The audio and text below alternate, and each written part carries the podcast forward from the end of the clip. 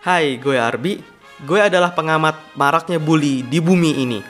Mulai dari teman kantor toksik, komentar netizen, emak-emak tetangga, dan para bully lainnya.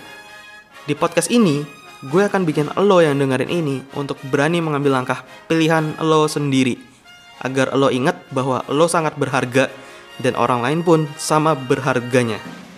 Karena ya kita sama-sama satu ras coy. Yang kita sebut dengan nama manusia.